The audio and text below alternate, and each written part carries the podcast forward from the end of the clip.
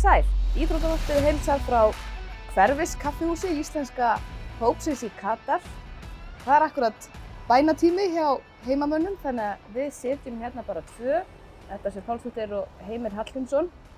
Og nú erum við komin á þann tífampunkt í mótinu að við erum búin að sjá öll liðin. Fyrsta umferðin í riðlakeppninni er búinn. Hvernig hefur þér fundist þetta hinga til? Ertu komið með uppáhald? Ertu komið með vonbreyði? Nei, það, það er ekkert hægt að taka neitt út úr fyrstu umferðinni. Það er eh, yfirleitt spilaliðin svolítið öðru vísi þessa fyrstu umferð. Eh, En vissulega hafa komið óvænt úrslit, eh, mikið af mörgum, sumir komið óvart og, og hérna, spila vel, aðri hafa spilað illa, bara eins og gengur og gerist. En það er yfirleitt ekkert hægt að finna sigurvegara í fyrstu umferð í svona mótum. Og flest, flestir fara varlega inn í fyrsta leiki svona móti alveg sama hver móturinn er. Þannig að, nei, ég, hef ekkert fundið mitt uppáhald uh, ennþá. Margir, marga góða framistöður og gaman uh, sérstaklega með evrópsku liðin, England, Frakland, Spánverja.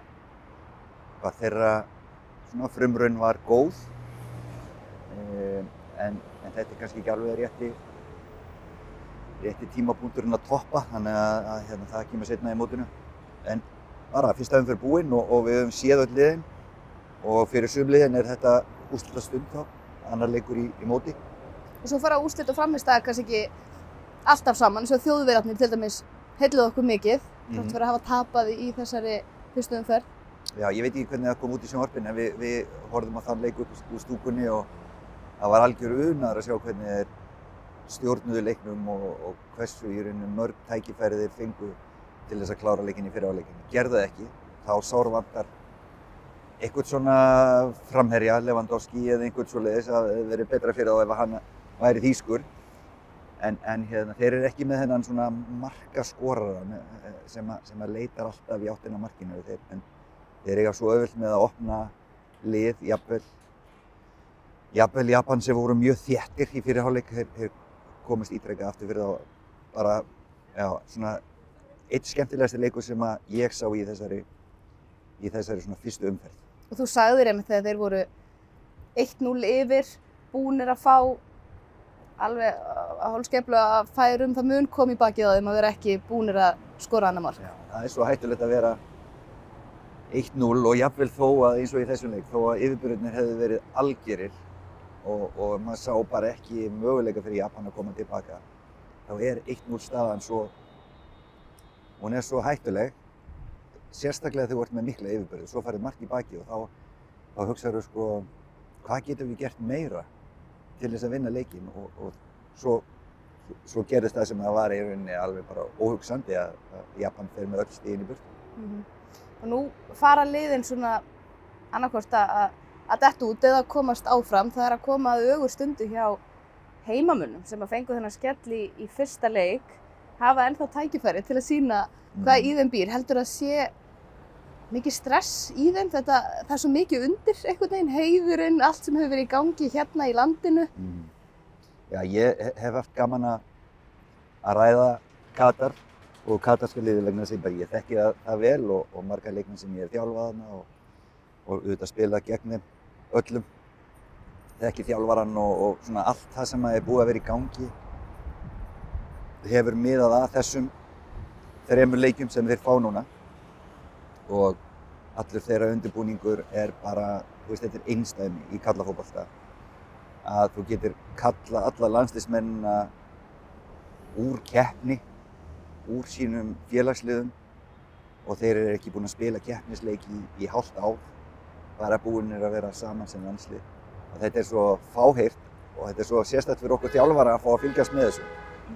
Og svo byrja þeir með bara umörlegri framistöðu. Þeir voru bara hreint út sagt léli og leikmenn sem ég veit að, að hérna, eru góðir einst, sem einstaklingar síndu bara ekki nýtt. Þannig að það var ekkert sjálfströst og rosa mikið, ég held að þetta sé bara stress og pressa sem að vonandi er bara farin af þeim núna. Þannig að vonandi náður að sína allavega góða framistöðu í dag. En þetta er alveg rétt sem þú segir. Það er, það er svo, það er svo mikið undir hjá þeim. Þú veist, landið er ekki bara búið að fjárfesta í þessu heimsmyndaramóti. Það hefur ekkert landslið í sögu fótboltans eitt jafn miklum pening í landsliðið sitt eins og Katar. Það er að segja undirbúningin, aðstöðuna, alla þá sérfræði þekkingu sem er hægt að ná í, á, í sálfræði, í, í þjálfun, í fitness, í, í öllu þessu. Þeir hafa náð í allt, all, öll, all, öll þessi litlu prósent sem að sko, þú, þú getur náði. Þeir hafa eitt í landslið og svo kemur þessi framistæði. En ég ætla að vona fyrir hönd leikmann að, að framistæðan verði, verði betri í dag. Kannski lítið verið sofið í nótt. Ég veit það ekki. En fyrir þig, að því að maður einhvern veginn kemst ekki hjá því að hugsa alltaf, já, nú er tímapunkturinn eftir í afteflið við Argentínu 2018. Mm. Nú værum við að fara inn í nýgriðuleikin. Mm. Hugsar þú þetta líka svona? Finnst þér órunverulegt núna að þú hefur verið í þeirri stöðu bara á síðasta heimsmeistaramóti? Nei, það er ekkert óraunverulegt. Við komum mjög vel undirbúinir fyrir það mót. Uh, sko, með þá kannski reynslu sem við fengum í, Evropakefni. Við vorum búinir að plana að fara lengra heldur en í hérna, reyðlakefnina þó að reyðlan okkar hafi verið gríðarlega sterkur. Um, en það sem að gerir, og ef við förum aftur í fyrsta leik í móti og svo annar leik í móti, það sem gerir það svo gott að tapa ekki fyrsta leik eins og við spiliðum gegn Argentínu fyrsta leik og töpuðum ekki, fengum stig, þá í flestum tilfellum tryggir það að liðið er með alveg fram í loka leik og eins og í okkar tilfelli og við áttum við séns alveg fram á síðustu mínútu í síðasta leik á, í riðlakeppninni. Og ég bara ef maður rifjar upp þennan leik gegn, gegn hérna, Nígeríu þá áttum við bara fínan fyrirháleik, við vissum það alltaf og, og hérna, það vissum það í rauninni allir að það lið sem myndi skora fyrsta markið í, í þeim leik myndi hafa ákveðna yfirbörði vegna þess að bæði liðin spiluðu svona svipaða leikaferð voru þéttir varnarlega og voru svo hættulegir þegar þau fengum, fengum skyndisóknir. Og Nígeríu sérstaklega voru góðir í því þeir hafðu mjög hraða leikmenn. Og við vorum bara flottir í fyrirháleik, áttum betri færi heldur en þeir og, og hérna eins og kannski gerist oft þá, þá hérna kannski vorum við og væri kærir e, þegar að setni hálfleikurinn byrjaði og, og þeir náðu þessu fyrsta marki sem að svo skipti bara öllu máli. Við þurftum að koma framar og þá, þá opnaðist opnaðist fyrir þá og það var þarna Músa, einn Músa í liðunni hjá þeim sem var á eldi, hann skoraði tvö mörk gegn okkur og hann var stór glæslegt móttaka og svo, svo hérna bara þrjumaði honum upp í undir slána í, í næsta tötsi og, og hérna átti eitt sláaskot að auki. Þannig að það var svona leikmæri þeim á sem, sem var mjög heitur þennan daginn. Og hann kláraði líka fyrir þá. Þannig að svekkir sig en við fengum okkar tækifæri, við fengum vítaspilnu og Þannig að það var svona, setni hálfleikurinn var ekki góður, fyrir hálfleikurinn var að mínum að þetta bara flottur. En fyrir mótið var þetta svona leikurinn sem allavega held ég svona þjóðun horfið í sem okkar tækifæri til þess að vinna. Mm -hmm. Þannig að kannski bjóst enginn við að við myndum mæta okkar fyrsta heimsmyndstamút og, og vinna eða gera jafntöfli við Argentínu. Eh, var það eins hjá þér? Varstu svona fyrirfram í einhverjum, einhverjum plönum? Var það þarna sem þú ætlaðir þér að sækja sigur? Mm. Nei, í sjálfum sér hefði, ég man nú ekki alveg hvort við áttum fyrir leik eða setni leik og Króatíða sem þetta var búið að tryggja sig eftir annan leik. Að ég held nú sá að leikur hafi verið eftir okkur ef ég man það rétt. En við vissum alltaf að þetta yrði erfiði leikur gegn Níkeríu.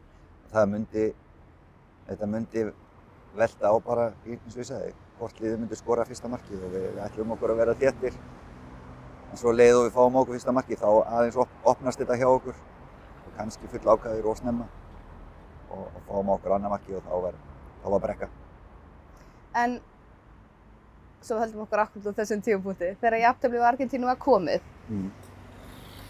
breyttist þá eitthvað svona sín þín á framhaldið? Gastu þá hugsa, ok, þetta er allt í lagi, við erum hérna, við getum eitthvað, að við eigum heima hérna, þetta munur bara ganga fínt, skilur, varstu svona jákvæðar einhvern veginn á að komast upp úr riðlunum eftir þetta jafntöfli eða helstu alveg róðinni eða þú veist, hvernig var hugsunarháttur? Nei, nei, við vissum alveg að, að, að, að bæði Nígeria og Kroatia vorum með gríðasterk lið, þannig að við vissum alveg hvað við okkar þó við náðum jafntöfla móti Argentínu.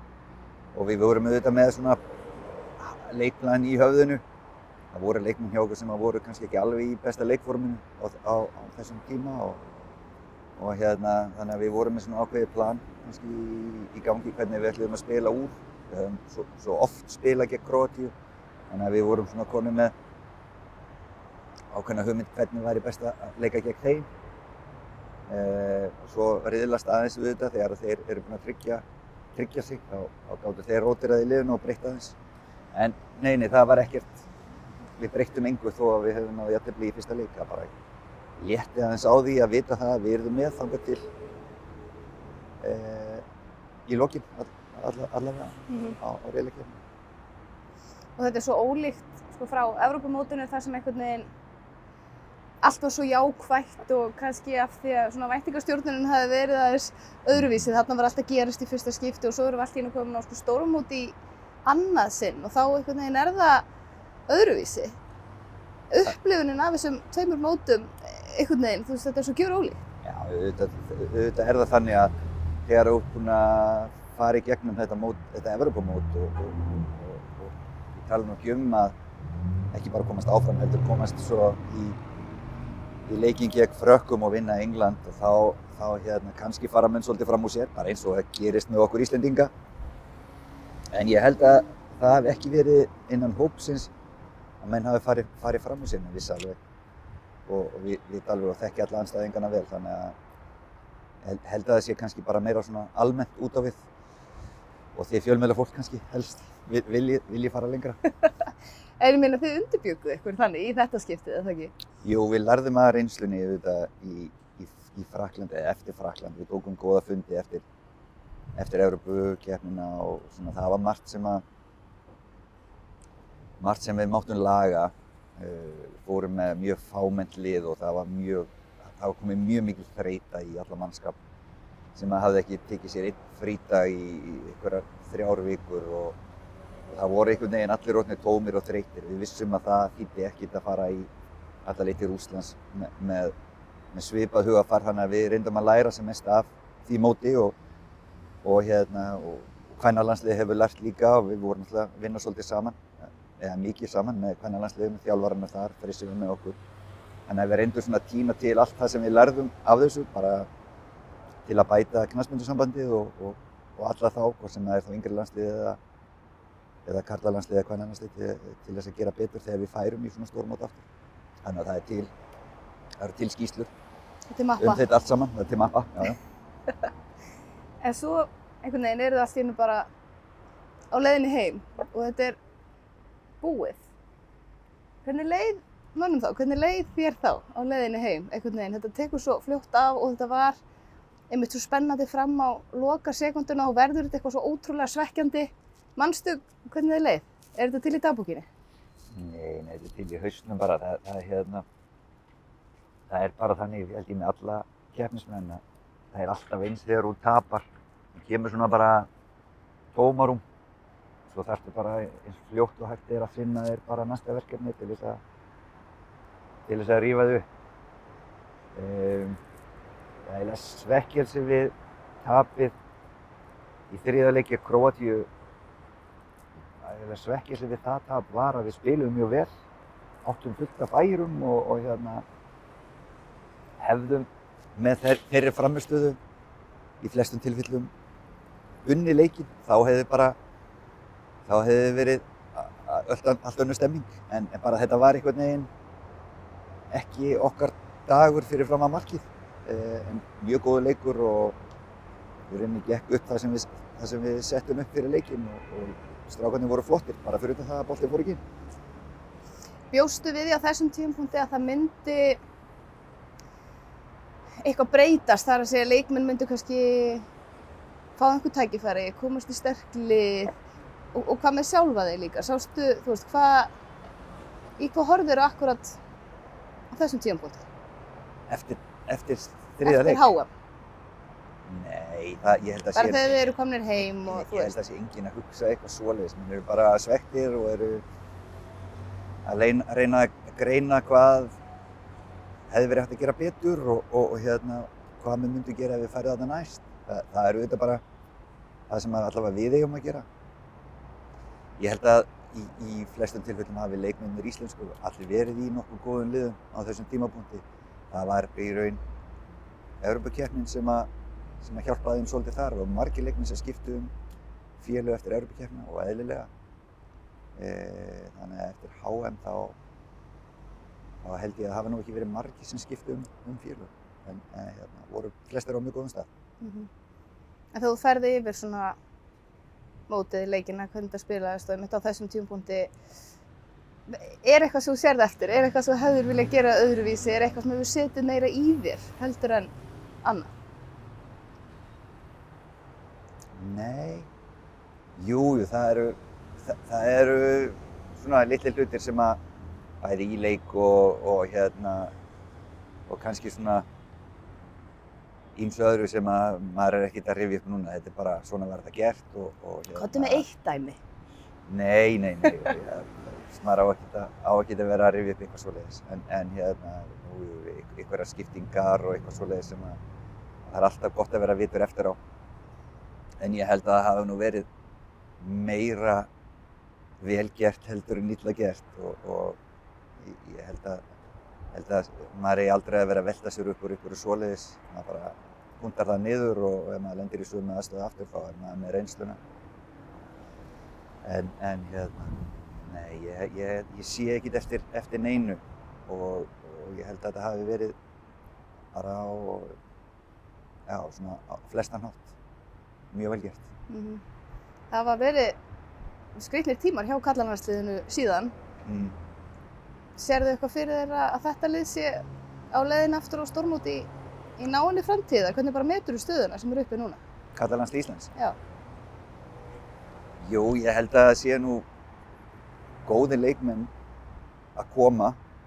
Eh, Það sem var, sko, það sem var sérstætt við þennan hóp var hversu vel þeir náðu saman. Þetta var svo samheldinn hópur, ekkert endilega allir vinir en þeir báru virðingu fyrir hvora öðrum. Uh, ótrúlega margir sterkir karakterar og, og svona leiðtógar hver á sínu sviði, ólíkir, óbúslega ólík, ólíkar personur. Uh, og það, það kemur ekkert oft hjá svona lítilli þjóð, margir svona leiðtógar. Mér finnst þeim hafa fækkað uh, leiðtógunum. En, en klárlega margir góðir fótbollamenn að koma upp hjá Íslandi og það eru sko, yngri landsliðin okkar eru að standa sér mjög vel. Þannig að það er alveg hægt að segja að framtíðin sé, sé björt og nú er að fjölga liðum á næsta hinsmyndstarumóti þannig að það er ennþá meira tækifæri að komast ángað. Það er, ætti að vera innan gæsaleppa auðveldara að komast ángað. Þannig að, jú, jú, Ísland mun komast aftur. Spurningin er bara hvenar og, og veist, þetta er, þetta er líka spurning, finnst mér aðeins um, um metnað. Við höfum auðvitað bara að setja markmiðið hátt og, og vera ekkert að tala í kringu hlutina. Við höfum bara vera svegt ef það gengur ekki og, og þannig ítum við hlutunum áfram. Uh, þannig að já, ég held að þetta sé svolítið líka upp á upp á stjórnunin að gera, yfirstjórnunin að gera að, að metnaðurinn á bara að vera ef að það er virkilega það sem okkur langar til þá hefur við bara að setja markmiðið hátt og bara tala þannig en ég get alltaf að vera fegra allt sem að, sem að hérna gengur ekki upp. Gekk þér alltaf vel að vinna með öllum þessum stóru karakterum? Og að halda þessu öllu saman og fungerandi? Ég, veistu, ég, ég var svo heppinn sem þjálfari að hafa, hafa fengið það svona, ég, ég tala, ég segi ofta að ég hafi verið svona í, í liðveislu í gegnum minn þjálfaraferi. Það byrjaði sem yngri flokka þjálfari, e, fekk svo alltaf stærra og stærra hlutverki á IBVF og tók svo við kvennaliðinu hjá IBVF, var þar í fimm ár, tók svo við kallaliðinu hjá IBVF og var þar í fimm ár, var svo aðstofþjálfari og fekk hérna mentor í Lars Lagerbakk sem sem að kendi mér mjög mikið og, og, og var svo sagt, meðþjálfari með honum í Europakefninni. Þannig að ég, ég þú veist, æja, þetta var svona eins og maður svona verið leittur bara í, í gegnum þennan feril. Þannig að ég var svo sem búinn að kynnast þessum strákum, bæði sem aðstæðþjálfari og, og meðþjálfari hjá Lars, þannig að það var svo sem þekkti þá alveg og, og kunni svona kannski á að tala við þá, vissi hvenær þeir voru pyrraðar og hvenær ekki. Þannig að, þannig að hérna, það, það kom aldrei neitt eitthvað svona, eitthvað leiðindu í, í samskiptu við þá og bara, já, ég hrósaði mikið á þeim tíma, ég gera það enn í dag. Þetta var óbúslega flottur hópur, ólíkur en flottur hópur. Saknar þeirra? Saknar þeirra svona þessa samstarfs? Já, þetta, þetta voru bara svo klikkaði karakterar margir og það, hérna, maður rifjar oft upp bara einhverja sögur. Svona, þegar eitthvað kemur upp, þá, þá getur maður alltaf sagt, já, Kári Átna gerði þetta eða, eða, eða hva, hvað sem það var, skiljið. Þannig að, hérna, nei, nei, það var bara, það var svo gaman hvernig þeir fundu sitt moment, hvernig þeir stigu upp, hvernig þeir voru pyrraðir, hvernig þeir döluðu og það áttu allir, allir einhvern veginn, áttu allir sitt svið uh, svona sinn plattform hvenar þeir stígu upp og voru leittóðar hvort sem það var inn í klefa eða þegar það var pyrringur í gangi eða hvernig sem það er það, svo leikmenninni þeir, þeir sáu rosa mikið um allt alla umgjörð og alla stemmingu og svona sem, sem var, sem er frábært fyrir þjálfara Mm -hmm. þegar leikmenn taka, taka ábyrgð Nú ertu komin til Jamaica, búin að vera þar í, í smá tíma. mm. Hvernig fer það af stað? Það er svona bara eins og þegar ég kom fyrst að KSI og, þá var, þá var Lars sem að, sem að breytti umgjörunni og, og, og hérna, ég, ég býja því að, að hafa komið svolítið inn í knaspunnsamband. Það sem að er svolítið svona, ég ætla ekki segja stjórnleysi, en, en það má breyta mörgu hjá, hjá þessu knaspunnsambandi. Og, og hérna, sem betur fer, þá á ég, þá á ég möppu með, og tjekklista sem að við fengum Ertu með skjala skáp? Já, það er nú mest í tölvu. En hérna, það sem við gerðum fyrir HM eða eftir EM uh, var það að við fengum meistara Víði Reynis í, hérna, í starfshópin okkar og hann, það var svona eitt af hans hlutverkum, eitt af hans mörgum hlutverkum, var að búa til, uh, hvað ég var að segja, svona já, bara allt í sambandi við alla ferla. Það er að segja, nú er dreigið í eitthvað mót, hvað er það fyrsta sem þarf að gera, hvað er það þú veist, næsta sem þarf að gera, þegar við pöntum hótel, hvað þarf að vera inn á hótelinu, eh, hvað, hvað eru okkar kröfur þegar við bókum hótel og svo framvegis og svo framvegis. Þannig að við, e, e, það er rauninni til checklisti um nánast alla verkferla í þessu því að það er svo hættulegt, sérstaklega fyrir lítil knaspunnsambönd að vittneskjan er oft bara í höfðinu á einum starfsmanni og, og hérna ég, ég held að þetta hafi verið eitt af besta sem að við gerðum er að búa til svona bara já, svona, svona verkferðlabók um þetta allt saman þannig að, að hérna, vittneskjan verður þá í sambandinu en ekki í höfðinu á einhverju starfsmanni sem fer í fílu og hættir og fer að vinna fyrir annar staðar sko. Mm -hmm. Ætlar að vera hérna á næsta móti sem þjálfari? Já, ég vona það. Ég, ég held að, að hérna, það er allavega planið, það er allavega, samningurinn er þannig að hann er eh, þar til eftir heimsmeistarmótið í, í Bandaríkjunum, Mexíkó og Kanada. Og, og hérna, ég held að Jamaica hafi mannskapinn til þess að, og hafi einstaklingana til þess að ná þangað og, og ekki bara ná þangað. Ég held að að, að við ættum að geta gert einhverja hluti á næsta heimsmeistarkeppni, í næsta heimsmeistarkeppni. E, en svo er það bara, þú veist, það er ekki nú að vera með góða einstaklingar, það þarf að búa til gott lið og það þarf að vera góð umgjörð. Og það er svolítið, það, það er mitt verkefni núna næstu, næsta árin að gera það, að reyna að búa það til. Sem bara gangið vel. Fyrir það. Og við þakkum fyrir okkur í byli hérna frá hverfis kaffihúsin okkar í Katar. Verið sæl.